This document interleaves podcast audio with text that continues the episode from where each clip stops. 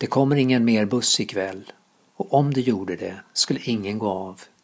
Men eh, tradarna stryker förbi. Själen är rök, kroppen aska med den vilda glädjen kvar. Utdragen som ett lomrop. Busskuren är en återkommande bild i Strandbergs senaste diktsamling. Kanske en repli eller vilopunkt, en utkiksplats som diktjaget återvänder till. Runt den vrider sig diktsamlingen Nattmannen i en sugande virvelström. Jag tänker att jaget i samlingen, eller kanske poeten, behöver en sån vilopunkt, en valplats. Kanske som Ekelöv, men med andra utgångspunkter. Det är sent, inte på jorden, men det kommer ingen mer buss ikväll, som Strandberg avväpnande vardagligt skriver. Om det skulle göra det skulle ändå ingen gå av. Och långtradarna, de stryker bara förbi. Själen i rök och kroppen aska med den vilda glädjen kvar. Och kroppen och själen, som i de flesta utav författarens diktsamlingar, ska rådbråkas, prövas, malas ner tills bara några glödande korn återstår. Ofta i ett växelspel mellan ett jordnära vardag och drastiska bilder med hög temperatur. Även om nu utgångspunkten är annorlunda eller kanske snävare den här gången. Det är en tunn volym, bara 60 sidor. Omslaget är präglat med några svarta streck, kanske ett klösmärke. Det är elegant som en hastigt nedkastad skiss. Det signalerar revir och branddoft. En suggestiv öppning till en slingrande stig som utgör bokens berättelse. Sviten om Nattmannen. I Nattmannen gör Strandberg en djupdykning i skammens och undantagsmänniskornas erfarenheter. Den skrivs fram i gestalten Nattmannen eller rackaren, döden, uselhetens mästare som författaren skriver. Det blir en armkrok eller pardans med skammen. Dess olika former, och ofta ett slags trots mot de andra, liknöjdheten eller mot dem som går med skvallret. I en drömlik dikt arbetar de på fälten i en potatisåker. Mitt i människoflocken, i kvällningen, bar vi redskapen till vagnarna. Jorden kallnade. Då ropade bossen. Någon måste bära skammen. Jag började genast klä av mig. Jag visste precis hur jag skulle göra det. Plagg efter plagg samlades in av den långsamt snurrande slätten. Och plötsligt var det morgon. Ingela Strandberg har i sina dikter naturen, trakterna kring gården i Grimeton, Halland som utgångspunkt. Där är hon född och ännu idag bosatt. Hon har sedan debuten som poet med ett rum för natten 1984 publicerat ett stort antal diktsamlingar. Hon har ofta fint skildrat uppväxten, inte minst ur barnets perspektiv. Det kan vara flickans storögda förundran över de vuxnas liv, svek, tafatt kärlek eller hårdhänt irrationella handlingar. Ofta obegripliga skeenden, men där till slut erfarenhet läggs till erfarenhet. Ett växande pussel som vuxenblivandet innebär. Eller ett stilla nu som i raderna från samlingen Lyssnaren. Modens trötta, tunga kropp, händerna som vilar i knät. Det var i september och redan mörkt. I radion råmade en skog i en Sibelius-symfoni och mamma satt i köket. Volymen så hög att musiken hördes ända ut under träden. Hon satt alldeles stilla med slutna ögon och huvudet böjt framåt. Händerna, som nyss kvällsmjölkat fyra kor, låg slutna i knät. I tumveckens sprickor ljuskonsalva som spred fukt i långbyxornas tyg. Andra poeter med utgångspunkt i en agrar miljö, till exempel Anna Rydstedt och Lennart Sjögren, båda från Öland, tar in erfarenheter från lantbruket också i sina dikter. Samvaron, det vardagliga arbetet med djuren och de ofta hårda villkoren både för kreatur och jordbrukare. Men hos Strandberg är riktningen en annan, en mer romantisk, där Sjögren och Rydstedt är krassare i tonen. Och utgångspunkten hos Strandberg är, som jag ser det, en annan. Här är det tydligare diktens jag som rör sig in och i och genom landskapet, blir landskapet. Ett psykologiskt växelspel mellan jaget i landskapet och landskapet i jaget.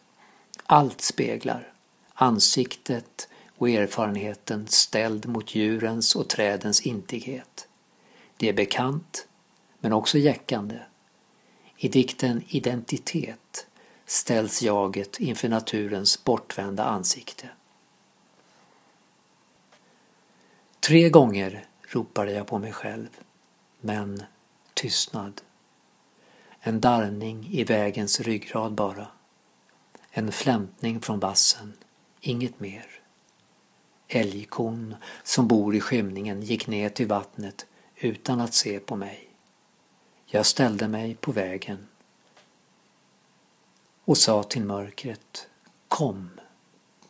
Vi gick så länge som sorgen varade och kom så småningom till en blodfläck som kallades minne. Där skildes träden åt. Jag ropade mitt människonamn. Men tystnad. För mig som under en period av mitt liv bott på småländska höglandet och fortfarande ibland vistas i landsbygd på vischan känns mycket igen i Strandbergs dikter. Bettet i luften en frostig morgon, ljudet från rälsbussen eller från lastbilarna på landsvägen bortom skogskanten. Stillheten och för all del också tristessen, stjärnhimlen en vinternatt. Om husen och de som befolkar dem nu och tidigare släkten kan Strandberg skriva. Jag sjunger gårdsplanernas lov, de grustyngda med lungor av stenar som ständigt rör sig. Döda går över dem och levande. De är fullskrivna av steg, i brådska eller långsamhet. Sänkta av människotyngd. Rävar besöker dem om nätterna Taxibilar stannar i midnatten, lyser upp dem en kort stund medan husen brinner av oro. I den nya samlingen är landskapet och erfarenheterna fortfarande de samma. Men nu så mycket mer tillspetsade när författaren ger sig kast med Nattmannen. Så här skriver hon på bokens baksida om dess upprinnelse. I min barndom hörde jag många berättelser om nattmän, eller rackare som de också kallades. Det var de som utförde alla de sysslor som ingen annan ville befatta sig med. Alla föraktade rackarna, var rädda för dem. När jag började skriva om Nattmannen mötte han mig genast. Och boken är en undersökande besvärjelse. Den första dikten slår direkt an tonen. Ja, sover med nattmannen. Han kommer varje mörker, smygande sitt fuktiga väsen in i mig.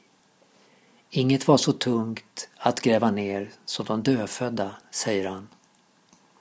Inget gjorde mig så ont som att fylla munnar med jord. Jag tålde inte heller de nakna hästarna sen jag dragit av dem deras hudar, men jag glömde dem så småningom, av trötthet, av den bittra svedan av salt. Men de unga mödrarna kunde jag aldrig glömma. Inte heller de strypta barnen, deras tunna blå ögonlock. Fönster in till det som aldrig varit.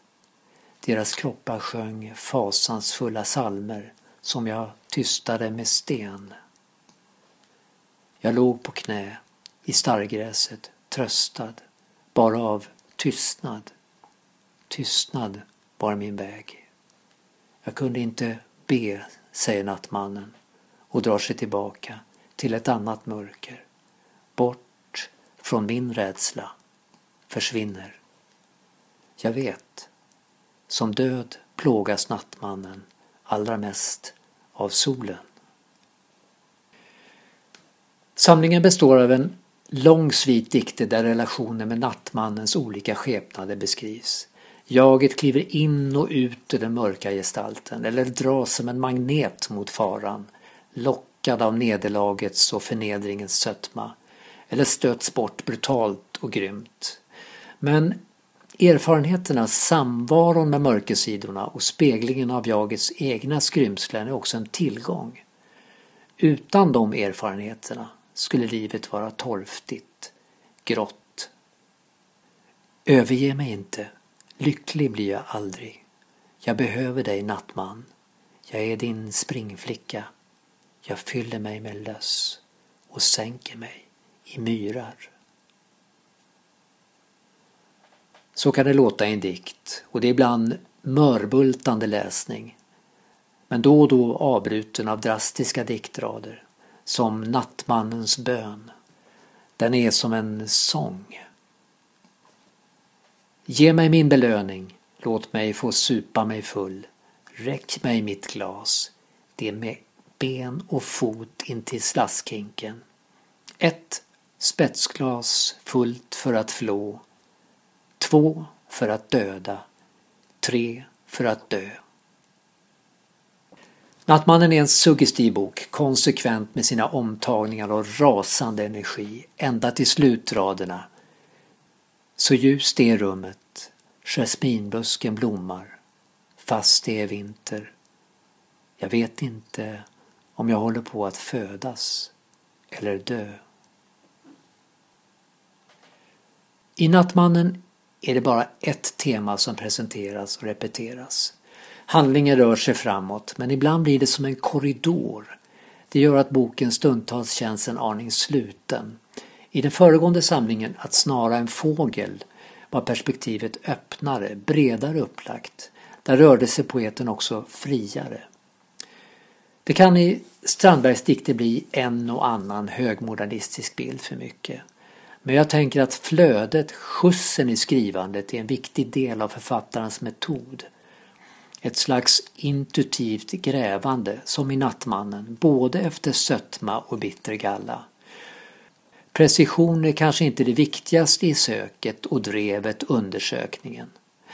Jag skulle ändå önska att författaren vore mer uppmärksam på en del poetiskt allmängods som ibland gör texten tungfotad. Men när Ingela Strandberg är som bäst, när hon mer återhållet låter bilderna tala, så öppnar sig dikten på ett fint sätt, också i mig, som i iakttagelsen av hästen i Nattmannen.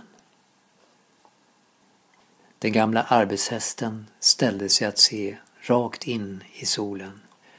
Där öppnades dörren till ett stall han aldrig stått i förut. Han strömmade som vatten in mellan de vita väggarna och rann ut i en flod av hästar.